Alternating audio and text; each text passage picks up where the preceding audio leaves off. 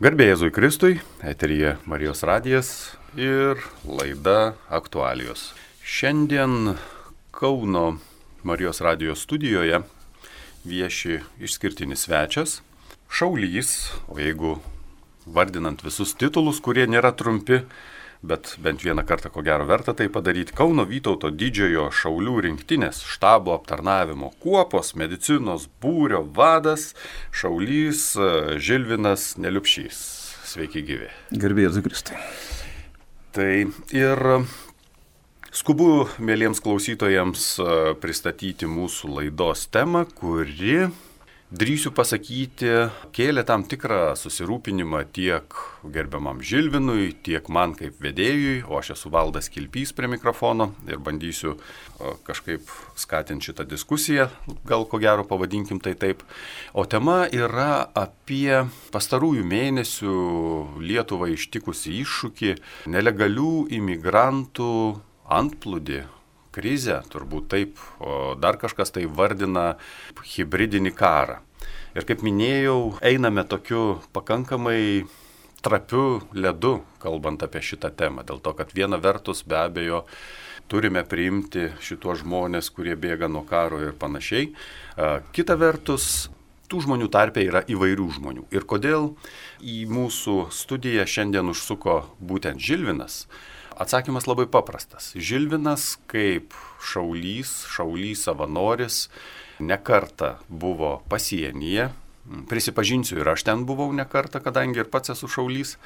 Ir matė visą situaciją savo akimis.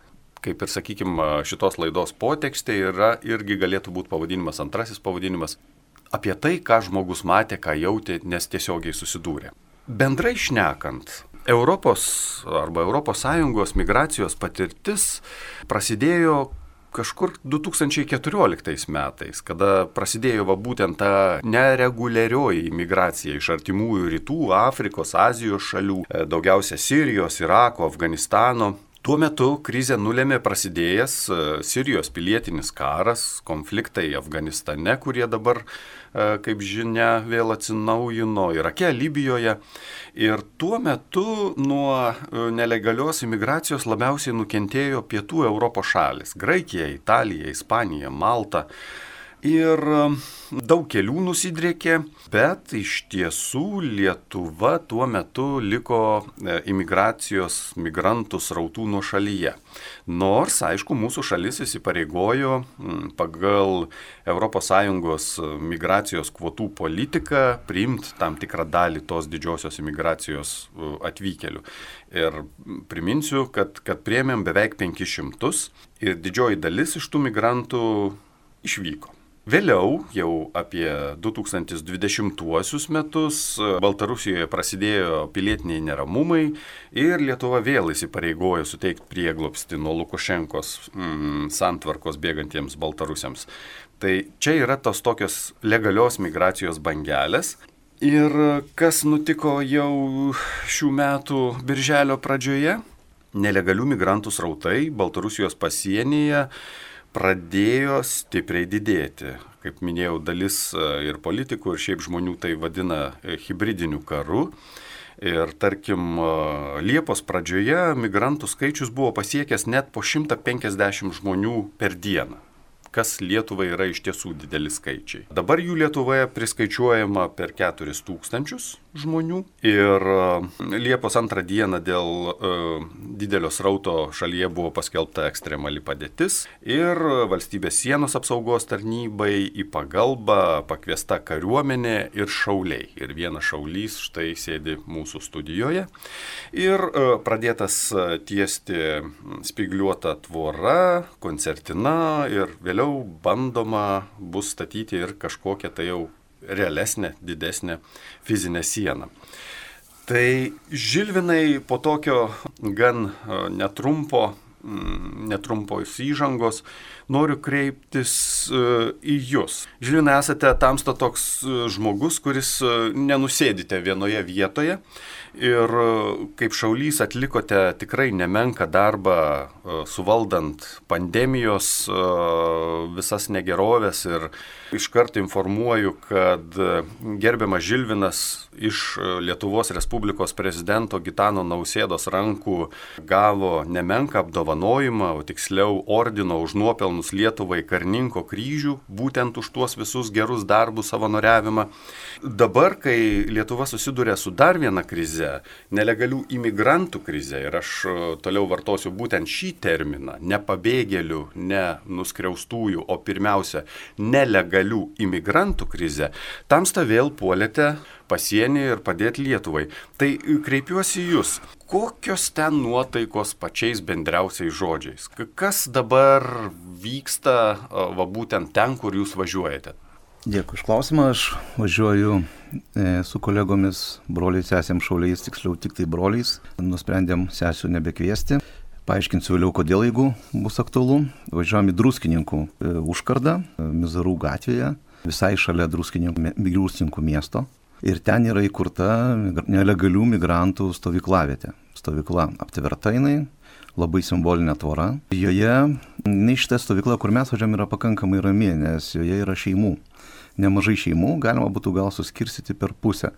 Pusė yra jauni, stiprus, energingi vaikinukai, Kita pusė yra šeimos. E, tos šeimas dar būtų galima paskirstyti į afrikiečius ir arabus. E, skiriasi ten jų ir mentalitetai, skiriasi ir jų gyvensena, bet sumoji tai viena iš tokių ramesnių yra šitų stovyklaviečių. Galbūt dėl to, kad ten yra šeimos. Žinau, kad kiti broliai, kurie važiuoja į rūdininkus, Ten yra kur kas sudėtingiau, nes ten yra vien tik tai jauni vaikinai, vyriškiai. Vidurkis amžiaus yra apie plius minus 20-30 metų. Pas mus, iškės ta rutina tokia paprasta. Ryte būna reikiuotė, susirenka įvairių tarnybų e, kariai, pareigūnai. Taip pat sulaukiam dėmesio iš užsieniečių, tai buvo atvažiavę mokytis, kaip dirbti ir ką daryti, kaip veikti Estijos atstovai, Lenkijos atstovai. E, taip pat e, krašto apsaugos savanoriai, kariai, kariai iš kitų padalinių. Na ir mes šauliai. Tiesą sakant, mes tai jau tenai važiuojame nuo birželio pradžios. E, pradžiai važiuodami į pačias jau pasienio zonas, būdėdom kartu su pasieniečiais. Tuo metu dar tų nelegalių migrantų buvo vienas kitas ir ten tik nugirdavom vieni iš kitų. Būdavo taip pat ir Baltarusijos piliečiai, kurie kaip ir anksčiau, taip ir dabar yra priemami kaip ir įsipareigoję esame, o tuo tarpu šitie iš tolimesnių kraštų atstovai yra, kadangi dažniausiai būna be dokumentų, jie dokumentus atvykę kažkur tai sunaikina ir jie paprastai, galima sakyti, vos nevarų varomi į mūsų šalį, tai jie yra izoliuojami stovyklose. Tai tose stovyklose vyksta gyvenimas, jiem tenai sutiktos sąlygos nusiprausti, tualetai yra, maitinami jie yra, duodami susidaviniai, yra elektra, kur galima pasišildyti karštą vandenį. Tiesa, jiem yra draudžiama turėti telefonus, korteles, kars nuo karto yra daromos kratos, iš jų jie yra konfiskuojami, nes jų kažkaip nuolat atsiranda, jie naudodamisi tiem priemonėm organizuoja savo tolimesnės kelionės galbūt, o taip pat ir perdavinė informaciją galbūt e, savo gintainiams apie esamą situaciją. Maždaug tiek, jeigu apie tą pačią rutiną. Jūs jau savo kalbėjimo pradžioj pasakėte apie tai, kad e, šita, vadinkim, žmonių visuma nėra vienalytė. Yra, kiek suprantu, arabai, yra dar kažkokios tautybės, tautos, ar, ar, ar, ar nežinau kaip ir pavadinti. Koks jums e, jausmas apima, arba ką, ką jūs galvojate, ar mes turim teisę juos visus vadinti uh, tam tikrą prasme? Ar mes galim juos visus vadinti vien nusikaltėliais, galbūt taip paklausiu. Tas margumas ar atsispindi?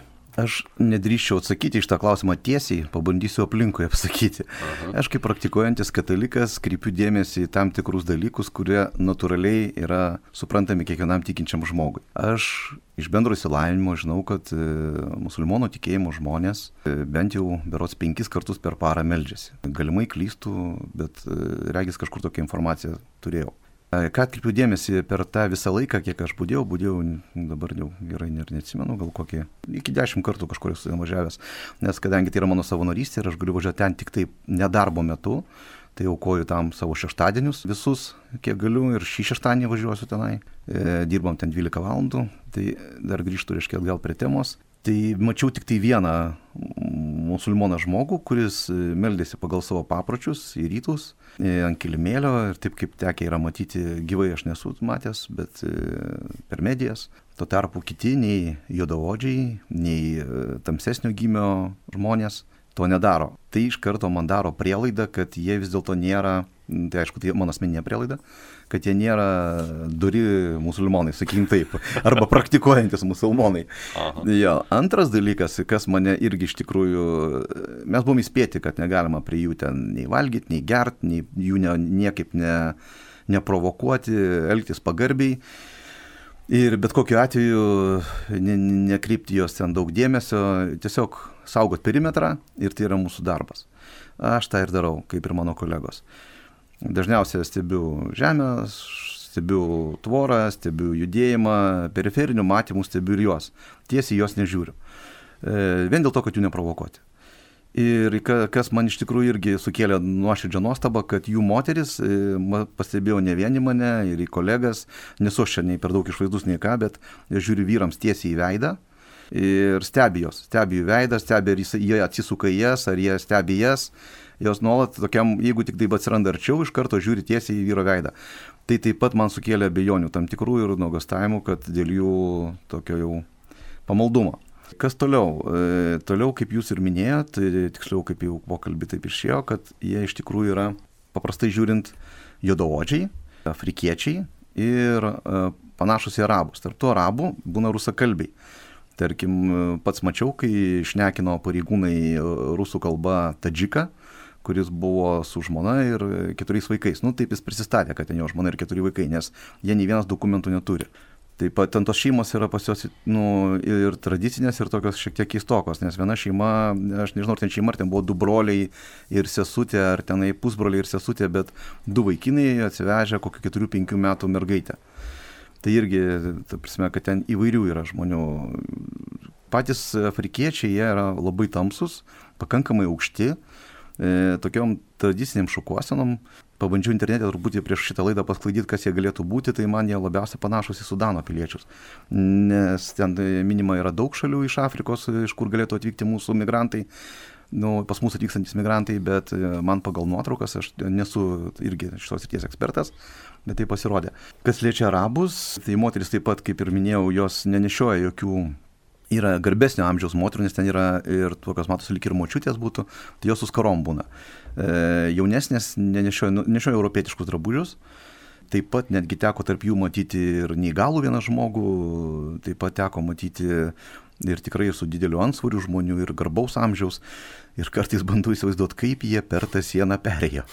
Iš kur pas juos tiek jėgų, aš pats ant tos sienos vaikščiau, būdėjau, ten tikrai nėra lengva vaikščioti. Ten tikrai yra sudėtingi ir pravažiavimai, ir prieimai, ir peršasi viena mintis, kad jos atvežė. Tiesiog atvežė prie pat sienos, jos veža ten, kur yra keliai, priveža prie pat sienos, išleidžia, dabar netgi pasirodo, kad ir varų varo.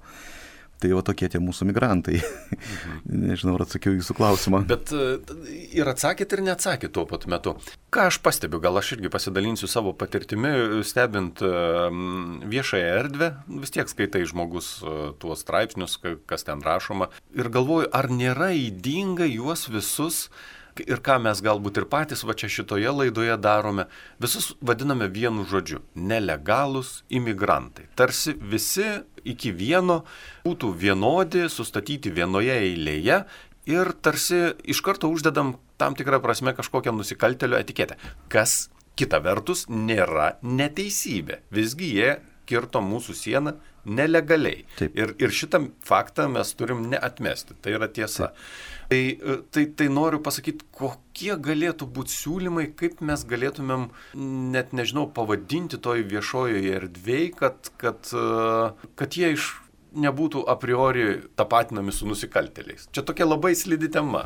Taip, tema iš tiesų slidi, nes e, iš ties ten yra nemažai ir šviesiais veidais žmonių, gal net ir dauguma, nes e, pavyzdys, kad e, žmonės taip atrodantis negali būti nei kariai, nei, nei tenai kažkokie tai teroristai, nes matosi, kad galbūt net ir darbus dirba, jų rankos yra kitokios.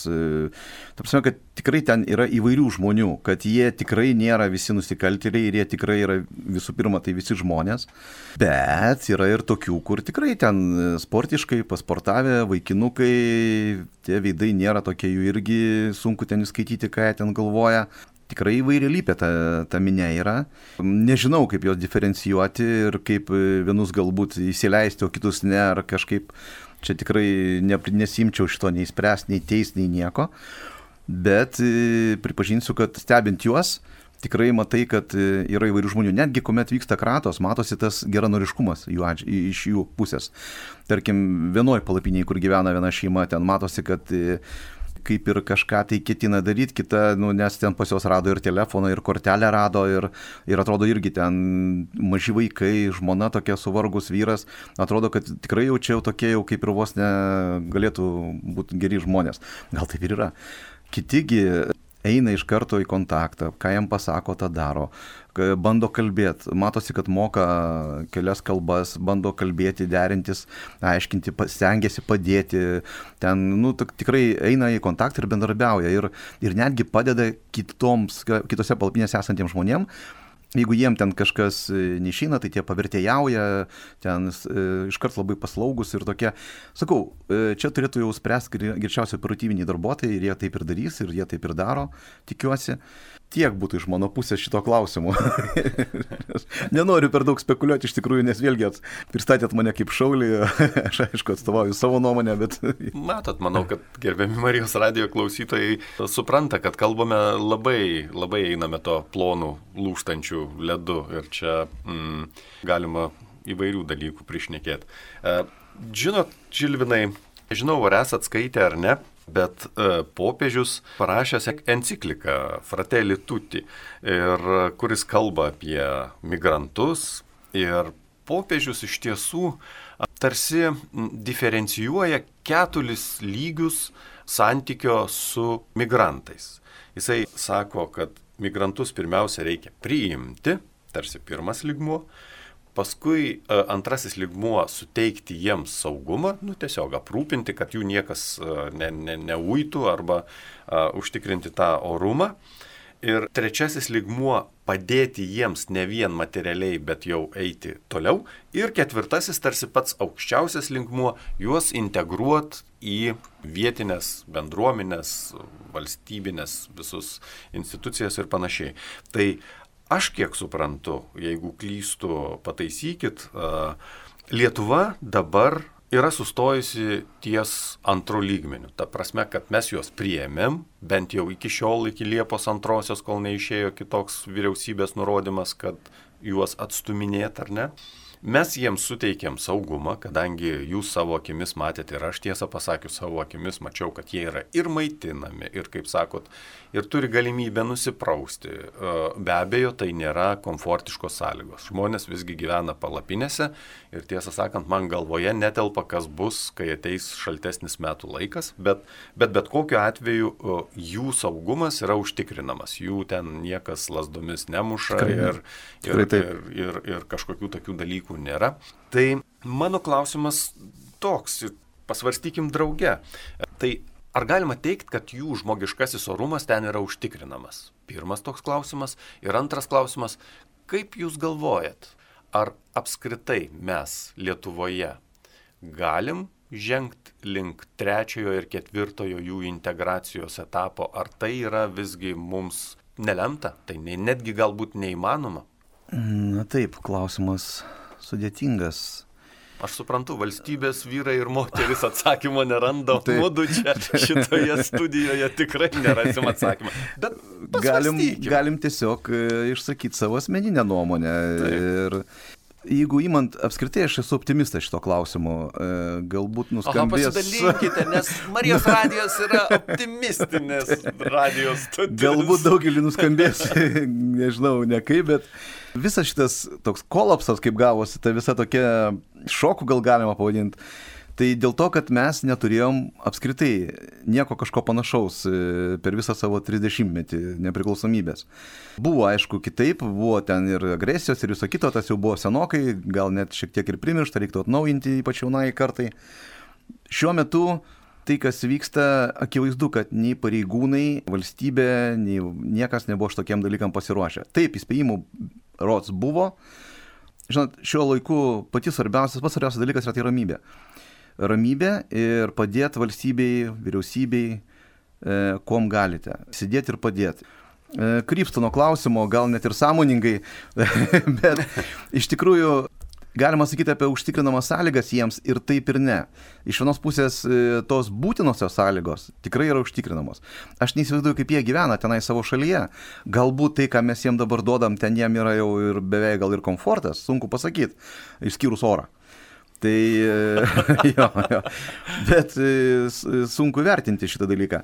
Jie yra, e, matosi, kad susitaikė dauguma, gyvena ir jie akivaizdu, kad yra laukimo periode.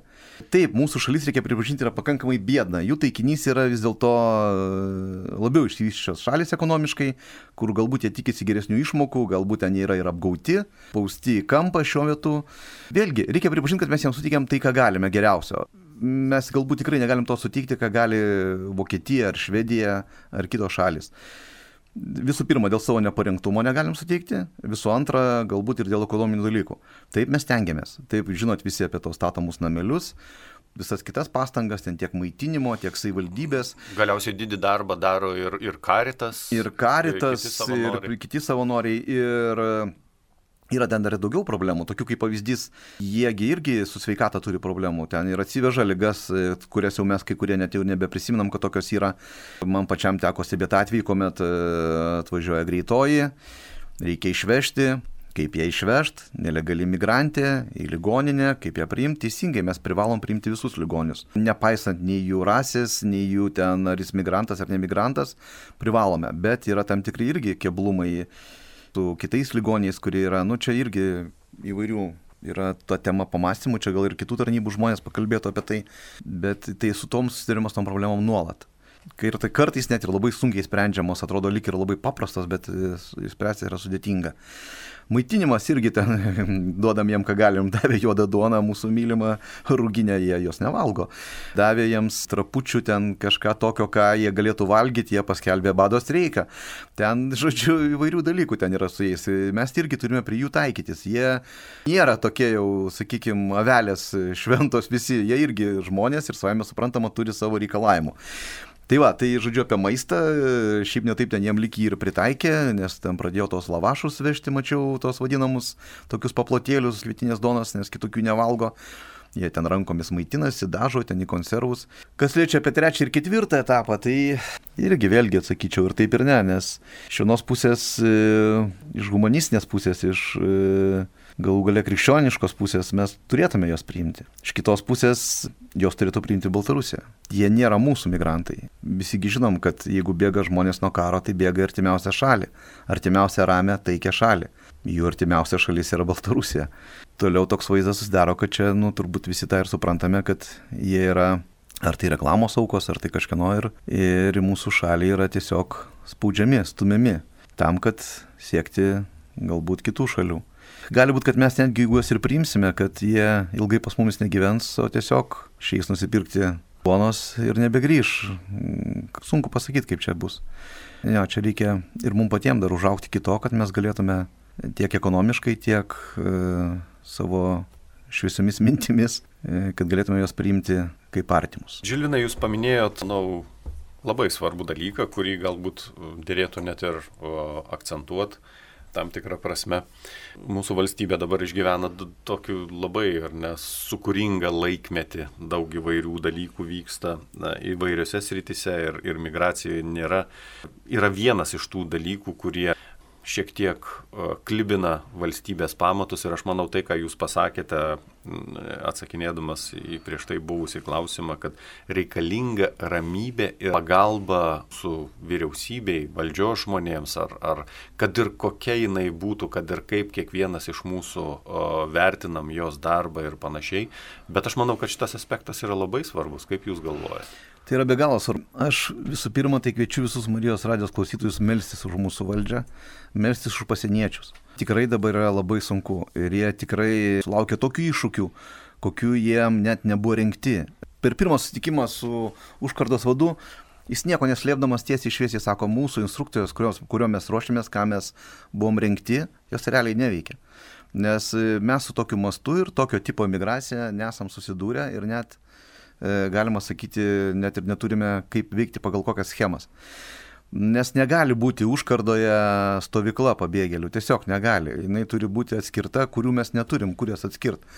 Viskas daroma čia ir dabar ir ta istorija rašoma čia ir dabar ir tos instrukcijos rašom, rašomos duotuoju laiku. Ir viską, ką mes galime padaryti, tai tiesiog būti ramus ir tai padėti savo valstybei, tai padėti susitvarkyti su šitą tikrai didžiulę problemą. Ir kiekvienas net menkiausias e, nesantaikos kurstimas su kaimynu, ten ar per medijas, jisai tikrai niekaip neprisideda prie bendros mūsų geresnės ateities.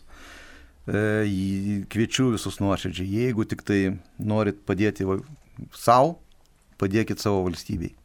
Visom išgalim. Kadangi, kaip minėjot, šita situacija yra unikali. Aš kitą kartą irgi, na, kai bendrauju su savo rato žmonėms, tų priekaištų galima daug ir vyriausybėje, ir kitiems valdžios žmonėms suteikti, bet manau, kad protingas ir, ir reflektuojantis asmo pirmiausia supranta, kad, kaip jūs sakote, precedentų tokių Lietuva iki šiol neturėjo. Ir viskas, Taip. kas yra daroma, yra daroma atsižvelgiant į, į bendrą mūsų. Į besikeičiančią situaciją. Į besikeičiančią situaciją. O Žilvinai, koks jūsų santykis su tai žmonėm? Aš, aš jų nesmerkiu ir, ir tikrai žaviuosi, ir kadangi pats uh, nei tikėjime, nei, nei, uh, nei kitose gyvenimo srityse nesu tiek toli pažengęs ir, ir, ir visgi, kaip minėjau, vertinu šitos žmonės pirmiausia kaip nelegalius imigrantus, kadangi ir pasai yra sąmoningai išmėtyti ir, ir, ir pasirinktas yra nelegalus kelias, kai tuo tarpu esama ir legalių kelių. Bet va koks jūsų santykis su tai žmonėm, kaip jūs juos vertinat, kurie, kurie yra tikėjimo žmonės arba, kaip jūs minėjot, humanistai ir kurie sako, atverkim sienas, priimkim juos atvirą širdimi ir aš jų nesmerkiu be jokios abejonės, bet koks aš... galėtų būti dialogas su jais? Aš suprantu, kad mes, mūsų požiūris į nelegalius imigrantus tam tikrą prasme sutampa, mes kaip ir bendraminčiai esam. Taip. Žmogaus orumas privalo būti užtikrintas, Taip. bet, bet visa kita nukelia daug klausimų.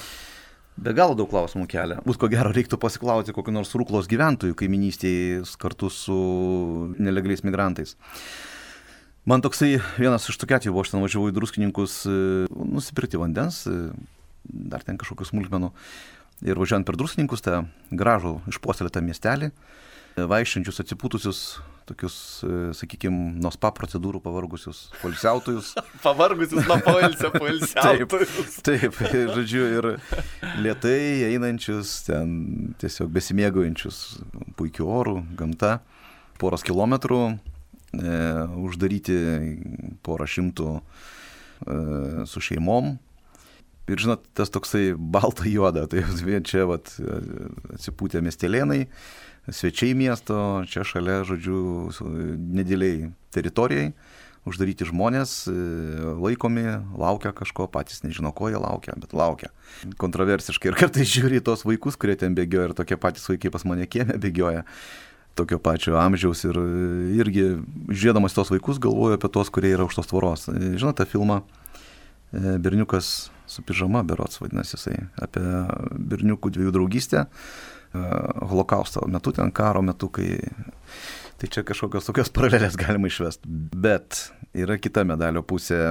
Vis dėlto, kaip pagalvoji, kažkur esu mintį tokia girdėjęs, ar jūsų namai yra su langais ir su durim. Jeigu jie yra su langais ir su durim, tai kodėl? Kodėl jūs rakinate duris? Būtent. Atrakinkite, įsileiskite, įsileiskite arčiau visus aplinkui. Čia panašiai situacija yra. E, mes turim didelį savo namą, santykinai didelį, įmant pasauliniu mastu tikrai labai mažyti. Namas vadinasi Lietuva. Būtent taip, Lietuva jisai vadinasi. taip. Ir mes esam to namo gyventojai, mes esam tokia didžiulė, didžiulė šeima. Tai šeimoje yra įvairių žmonių, yra ir, ir, ir gerų, ir, ir nelabai, ir nuostabių. Ir dabar mes įsileistume kitus visiškai su nauja kultūra ir su naujais požiūriais ir taip toliau. Tai pabandykim pagalvoti apie save. Gerimas valdai, ar jūs prisimtumėte savo būtą moterį su dviem nepilnamečiais, nelegaliais vaikais ir dar jos vyrą? Ne, nuoširdžiai sakau, ranką ant širdies pridėjęs. Aš, būdamas praktikuojantis katalikas, pasakysiu jums tą patį. Aš taip pat negalėčiau priimti. Dėl to, kad aš jaučiu jiem kažkokią neapykantą, ar ten jie kažkom kitokie. Tiesiog tai yra mano namai, aš čia gyvenu, jūs arba teiskit mane, arba priimkit mane tokį, koks aš esu. Man patiko jūsų alegorija, analogija galbūt labiau Lietuvos palyginimas su namais. Iš tiesų. Ir čia, kai ko gero kviečiam pagalvoti drauge ir, ir visus klausytojus, štai apsižvalgykit, kur skamba radio imtuvas, ar, ar čia mes, mūsų balsai skamba iš kompiuterio, kaip bebūtų, apsižvalgykit aplink savo namus ir pagalvokit, ar jums reikia langų, ar jums reikia durų, ar visgi, va, kaip Žilvinas sako, jų nereikia. Ir, ir kita vertus, tai, ką mes kūrėm per 30 paskutinės, vadinkim, Lietuvos nepriklausomybės metų, daugelis sudėjom tikrai nemažai aukų, pradedant nuo sausio 13-osios iki E, medininkų tragedija, visi tie žmonės, ko gero, pirmiausia žuvo, mirė už mūsų namus, už tuos namus, kurie turi langus, kurie turi duris, kur gyvena darni šeima.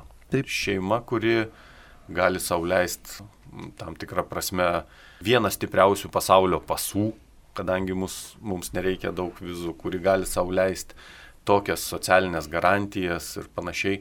Tad e, galvoju, va, draugė, kviečiu pamastyti, ar, ar, ar kur čia tas balansas yra, ar, ar mes visgi norim šitos namus prarasti. Galim prarasti. Galim. Prarast. Ir vėl prarasti. Ir vėl. ir iš kitos pusės be abejo turim ir bažnyčios socialinį mokymą. Turim, va, visai neseniai perskaičiau kardinolo Audrio Juozo Bačkio e, naujienų portale laikmetis e, tekstą, kur, kur e, jisai sako, kad bažnyčios pašaukimas yra ne tik padėti tiems žmonėms, bet kartu ir vykdyti tam tikrą pedagoginę, pastoracinę misiją visuomenės atžvilgių, kad, kad būtų daugiau atvirumo, empatijos. Gerbiamas kardinolas irgi kviečia tikrai rimtiems ir svarbiems dalykams. Bet kaip surasti tą balansą, kaip surasti tą santyki tarp uždarų langų ir durų ir, ir tos empatijos, atvirumo ir, ir, ir visų tų tikrai kataliką kataliku darančių dalykų, aš nežinau. Sunku, sunku kalbėti apie tai. Ir tiesą pasakius, nežinau net ir kaip vertinti, dėl to, kad savo mm, aplinkoje turiu nemažai žmonių, kurie sako, būtent išimkim langus ir duris, nes uh, krikščionio kataliko pašaukimas yra būtent toks - sekti Jėzum. Jėzusgi irgi iš principo, net ne iš principo, gal neteisingai pasakiau, Jėzus taip pat buvo pabėgėlis, net taip tam tikrą prasme nelegalus imigrantas. Ir būrė aplink save tokius pabėgėlius tarsi susidurėm su tokia problema, kuri mm, pakankamai sunkiai išsprendžiama. Žilvinai, ar buvot susitikę su kokiais nors kito plauko savanoriais, kurie atveža, nežinau, maisto konkrečiai jūsų saugomoje teritorijoje, ar, ar, ar teko regėti tokių žmonių? Ar... E, esu girdėjęs, kad tokie yra, tačiau per savo visą tą laiką niekad nesusidūriau iš tikrųjų, veidas į veidą. Beje, yra ir gerų žinių. Per paskutinį būdėjimą praeitą šeštadienį vienas kažkoks žmogus, savanoris e, ar tiesiog geros valios žmogus atsiuntė mums keturias pizzas. ir Coca-Colas. Du butelius.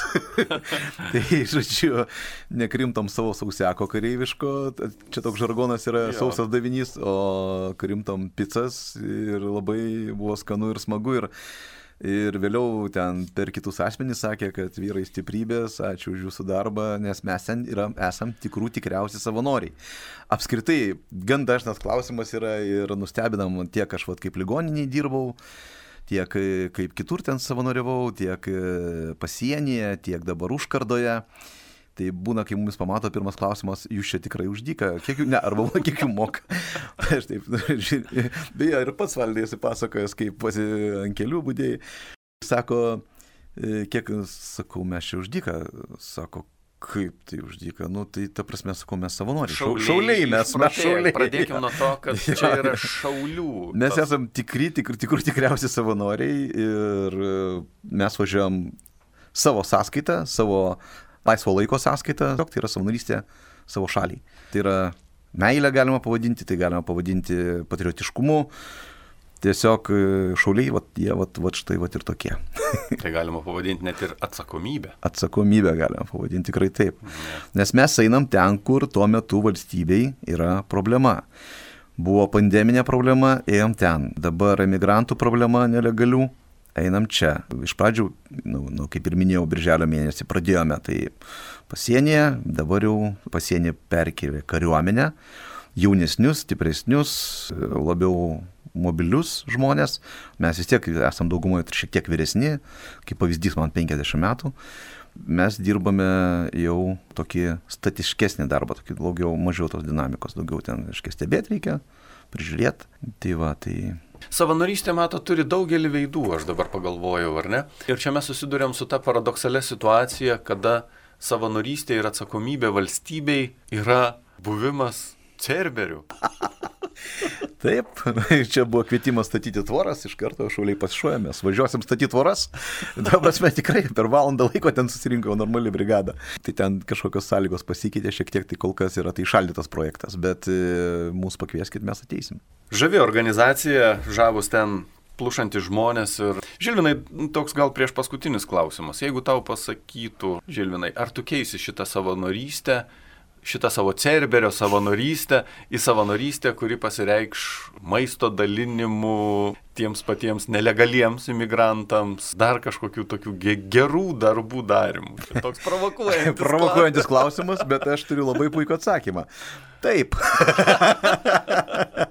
Aš iš tikrųjų, mes migrantam ir dalinam ten maistą. mes ten dirbam viską užkardai, ko mūsų paprašo, mes tą ir darom. Ten, e, sakau, nuo maisto dalinimo iki ten vairuoti reikėjo, kraut reikėjo, iškraut, pakraut, pernešt. Reikia suprasti, kad užkarda nėra pritaikyta tokiem dalykam. Ir staiga jiem reikia darbuotojų, kurie jiem padėtų, tarkim, sukraus visus davinius, iškraus visus davinius, išdalins visus davinius. Ten krūva tokių yra būtinių darbų, kurių niekas negali padaryti, o jų taigi darbas yra būdėti pasienyje. Tai štai čia ir šauliai pasitalkina, nes ir daugiau buvo atvejų tokių, kad registruot, kai, jie, kai jos dar leidinėjo, mūsų iškiai stovėjo ir padėjo registruoti, ten, ten jos apklausinėjo jau po to operatyviniai darbuotojai.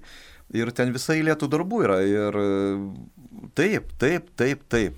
Ten, kur mūsų šaliai reikia, mes ten tikrai eisim, padėsim tiek, kiek galim, tiek, kiek turim laiko, e, sveikatos, e, nes visa tai yra, ką tik pasakiau, yra labai ribota. Ir laikas, ir galimybės, tai yra tikrai labai riboti limitai. Nes kad jų gauti daugiau, išplėsti šitą galimybę, turi iš kažkur jos paimti. Iš kur galime jos paimti? Iš miego, iš poilsio, iš šeimos Na ir iš darbo. Ir kadangi jeigu iš darbo negali paimti, šeima vėlgi kažkiek nuo jos gal gali pavokti, bet ilgai to nepadarysi. Hobiai, ai va, hobiai. Hobių, neturiu kitų hobių, hobis mano yra šalių sąjunga. Užbaikim e, laidą, kadangi laikas e, nėra begalinis, į pabaigą. Kokią nors viltingą mintimį, kaip, kaip jūs Žilvinai galvojat, koks būtų geriausias scenarius Lietuvai su visai šitais nelegalių imigrantų krize? Kaip jinai galėtų įsispręsti? Optimistinis scenarius, aš tikiu, kad jis bus. Aš gal nepopuliariai pasakysiu, bet aš manau, kad mes turime jiem padėti apsispręsti grįžti. Arba namo, arba į šalį, iš kurios jie atėję.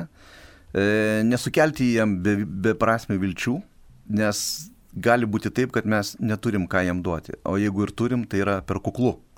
Tad manau, mums, kaip ir minėjau, svarbu ramybė, vienybė, tiesiog laikytis valdžios nurodymų ir judėti pirmin. Ir tiek. Su viešpaties dėkui, pagalba. Dėkui už viltingus žodžius ir kviesdamas gerbiamus Marijos radio klausytojus maldai už, už pasieniečius, už, už visus savanorius, ne tik tuos, kurie atlieka Cerberio vaidmenį, bet už visus savanorius. Tikiu, kad jų yra daug, minėjau Karitą, minėjau kitas nevyriausybinės organizacijas. Te viešpat suteikia jiems stiprybės ir stiprybės ir tiems patiems žmonėms, kurie yra anoje tvoros pusėje. Kaip minėjau, tema yra tikrai ne vienareikšmiška ir, ir, ir tai, ką mes čia padarėm šitos laidos metu, ko gero buvo tik toks mm, bandymas, bandymas plaukt paviršium, gal net ir taip pasakyti. Stiprybės jums žilvinai, stiprybės Ačiū. mums visiems su Dievu. Su Dievuliu.